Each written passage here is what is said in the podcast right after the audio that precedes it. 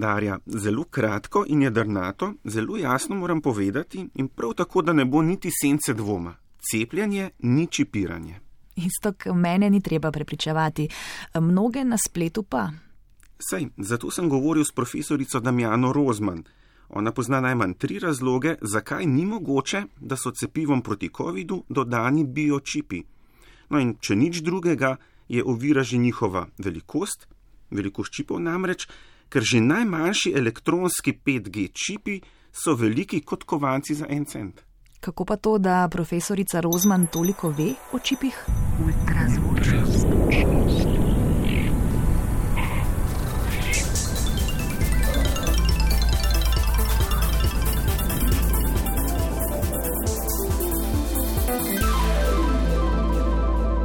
Ultrazvok. Profesorica Damjana Rozman, vodja Centra za funkcionalno genomiko in biočipe, ki deluje pod okriljem medicinske fakultete v Ljubljani, pozdravljeni. Dobro jutro, pozdravljeni. Profesorica Rozman, biočipi obstajajo. Ja, seveda, biočipi obstajajo, sej vidite, da so že v imenu našega centra, ne centra za funkcijsko genomiko in biočipe. Vendar pa biočipov ni v cepivih, ne v cepivih proti COVID-u in ne v drugih cepivih. Biočipi imajo v bistvu eno čisto drugačno vlogo, tudi glede na njihovo velikost, glede na njihovo sestavo, je popolnoma nemogoče, da bi bili v cepivih. Cepiva so namreč mehne molekule, le skupaj nekaj, nekaj molekul. Čipi so za nekaj velikostnih uh, razredov veliki in uh, lahko se spomnite tistega vica, malo starejši se ga boste verjetno spomnili, kako spravimo štiri slone v fičkota, dva spredaj, dva zadaj. To je v nekako smešnici seveda možno, v resničnem življenju pa mi neke velike stvari ne moremo stlačiti v nekaj majhnega. Biočipi tudi niso prozorni, tako kot so cepiva proti COVID-u. Biočipi so v bistvu velikosti, naprimer, nekega objektnega stekelca na mikroskopu ali pa recimo vzemimo primer približno kvadratni centimeter, lahko tudi manj. In na tem biočipu so, lahko si predstavljamo natisnjenje, natisnjene številne stotine ali pa tisoče, tisoč, tisoči molekul, bodi si DNK, RNK ali pa beljakovin, skratka delov, sestavin naših celic. In osnovna naloga biočipa je, da mi lahko analiziramo, torej preverimo veliko število vzorcev, Eh, nikakor pa ni namen biočipa, da bi bil to nek senzor, s katerimi bi mi sledili dogodke. Uh, to je popolnoma zmotno mnenje. Ultrazvok. Biočipi so se razvili nekje v sredini prejšnjega stoletja in sicer eh, je želja izhajala iz laboratorijskih preiskav, kjer so recimo v medicini, tudi v veterini in v drugih znanostih želeli ugotoviti, kakšna je recimo količina določene snovi v biološkem vzorcu, recimo v krvi ali pa v urinu. In uh, namesto, da bi analizirali zgolj en vzorec naenkrat, je bila seveda želja, da bi se lahko na analiziralo naenkrat veliko število vzorcev. No, in tako so potem razvili počasi metodologijo, ki omogoča, da mi lahko deset tisoče vzorcev analiziramo naenkrat. In zdaj ti vzorci so lahko različne uh, biološke tekočine, lahko pa mi v eni biološki tekočini sočasno analiziramo več deset tisoč uh, sestavin te tekočine.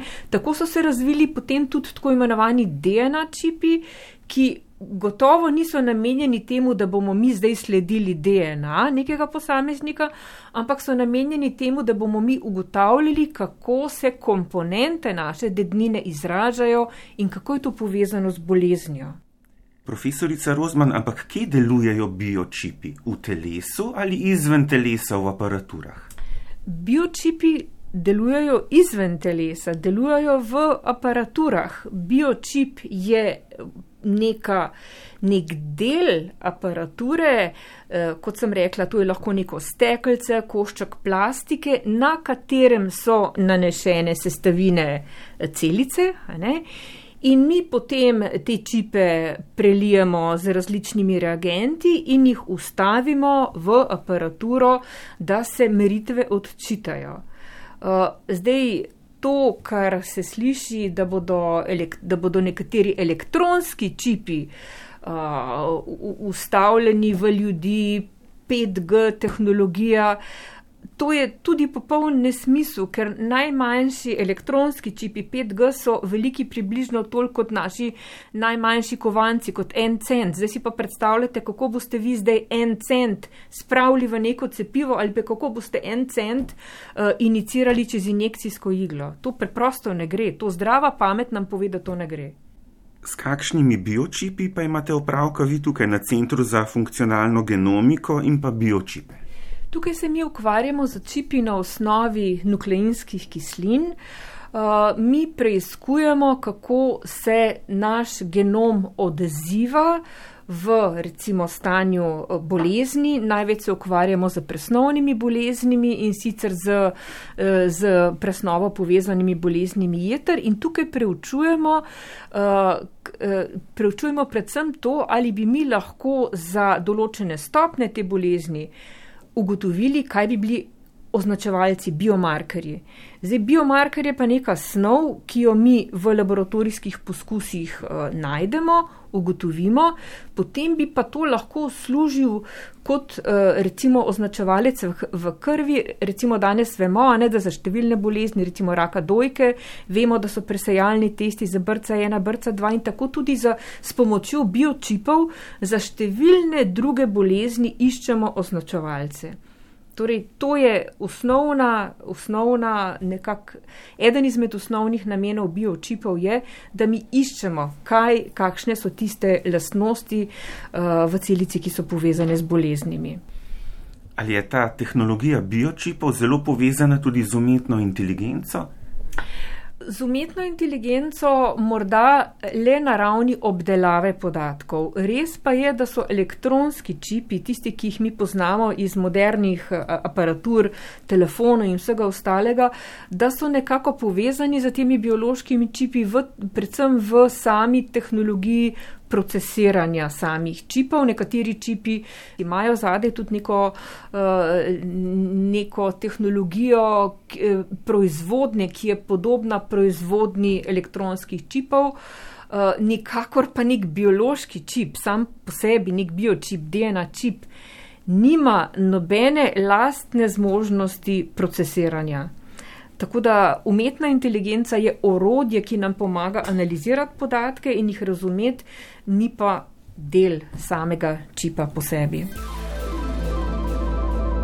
Ultrazvok kako lahko tudi novinari včasih kakšno stvar napačno izluščijo. In ena izmed stvari, recimo, sem tle prebrala, da je Washington Post 25. junija 2019 zapisal, da so biočipi v bistvu majhni laboratoriji zasnovani za delovanje v živih organizmih. In to je recimo bila neka informacija, ki je mogoče sprožila plas napačnih informacij, ker naprej lepo razlagajo, ne, da te čipi poganjajo tehnologije za sekvenciranje DNA, eh, za raziskovanje bolezni, ampak samo ta stavek, ne, da so zasnovani za delovanje v živih organizmih, je mogoče sprožil plas, ker je pač nekdo eno besedo na robe razumel. In danes vemo, ne, da so informacije lahko viralne, tako kot mi se s COVID-om ukvarjamo, ampak ena dezinformacija ima lahko bistveno večjo udarno moč, kot pa potem stotine, tisoče strokovnih informacij. Profesorica Rozman, v Sloveniji je stanje epidemije zdaj med najslabšimi, najbolj kritičnimi na svetu. Kakšen je vaš komentar ali še bolje, kakšen je vaš nasvet? Moj nasvet je E, enak kot na svetu vse stroke, da moramo zaupati znanosti in se cepiti. Drugi moj nasvet pa je, da bi morali mogoče ljudje malo bolj uporabljati svojo zdravo pamet, svoj razum in da bi poskušali določene stvari tudi logično razumeti, ne pa verjeti nekim dezinformacijam in se nekako opret na tiste dezinformacije zgolj kot izgovor, da nečesa, kar bi bilo dobro za njih, ne bi naredili. Pri biočipih se veliko krat povdari tudi to, da pravzaprav ljudje to sledilno napravo že vse čas nosimo s seboj, s tem, ko imamo svoj mobilni pametni telefon. Ja, jaz ne vem, kako bi to komentirala. Seveda, uh, veste, da stric Google je itak vse mogoče in nas posod sledi. Torej, če kdorkoli ima telefon, je uh, morda res na nek način lahko sledljiv. Ampak jaz bi mogoče še uh, mečkano na šalo obrnila. Uh, ravno v zvezi s tem cepljenjem in čipiranjem sem slišala eno smešnico, ne, ki pravi nekako tako, ne, da nekako uh, da nekako v veterini ne, in v medicini veljajo drugače, drugačna pravila. Ne. Eh, če ima kdo kuška, ga more posebej peliti, čipirati, pa posebej cepiti. Tisti, ki pa verjamejo, da so čipi v cepivih, pa mislijo, da medicina to lahko naredi v enem samem koraku. Profesorica Damjana Rozman, hvala vam za odgovore in pa za pojasnila. Hvala tudi vam in jaz upam, da se bo čim več ljudi uh, odzvalo pametno in nekako se cepilo za cepivi proti COVID-u. Nasvidenje srečno.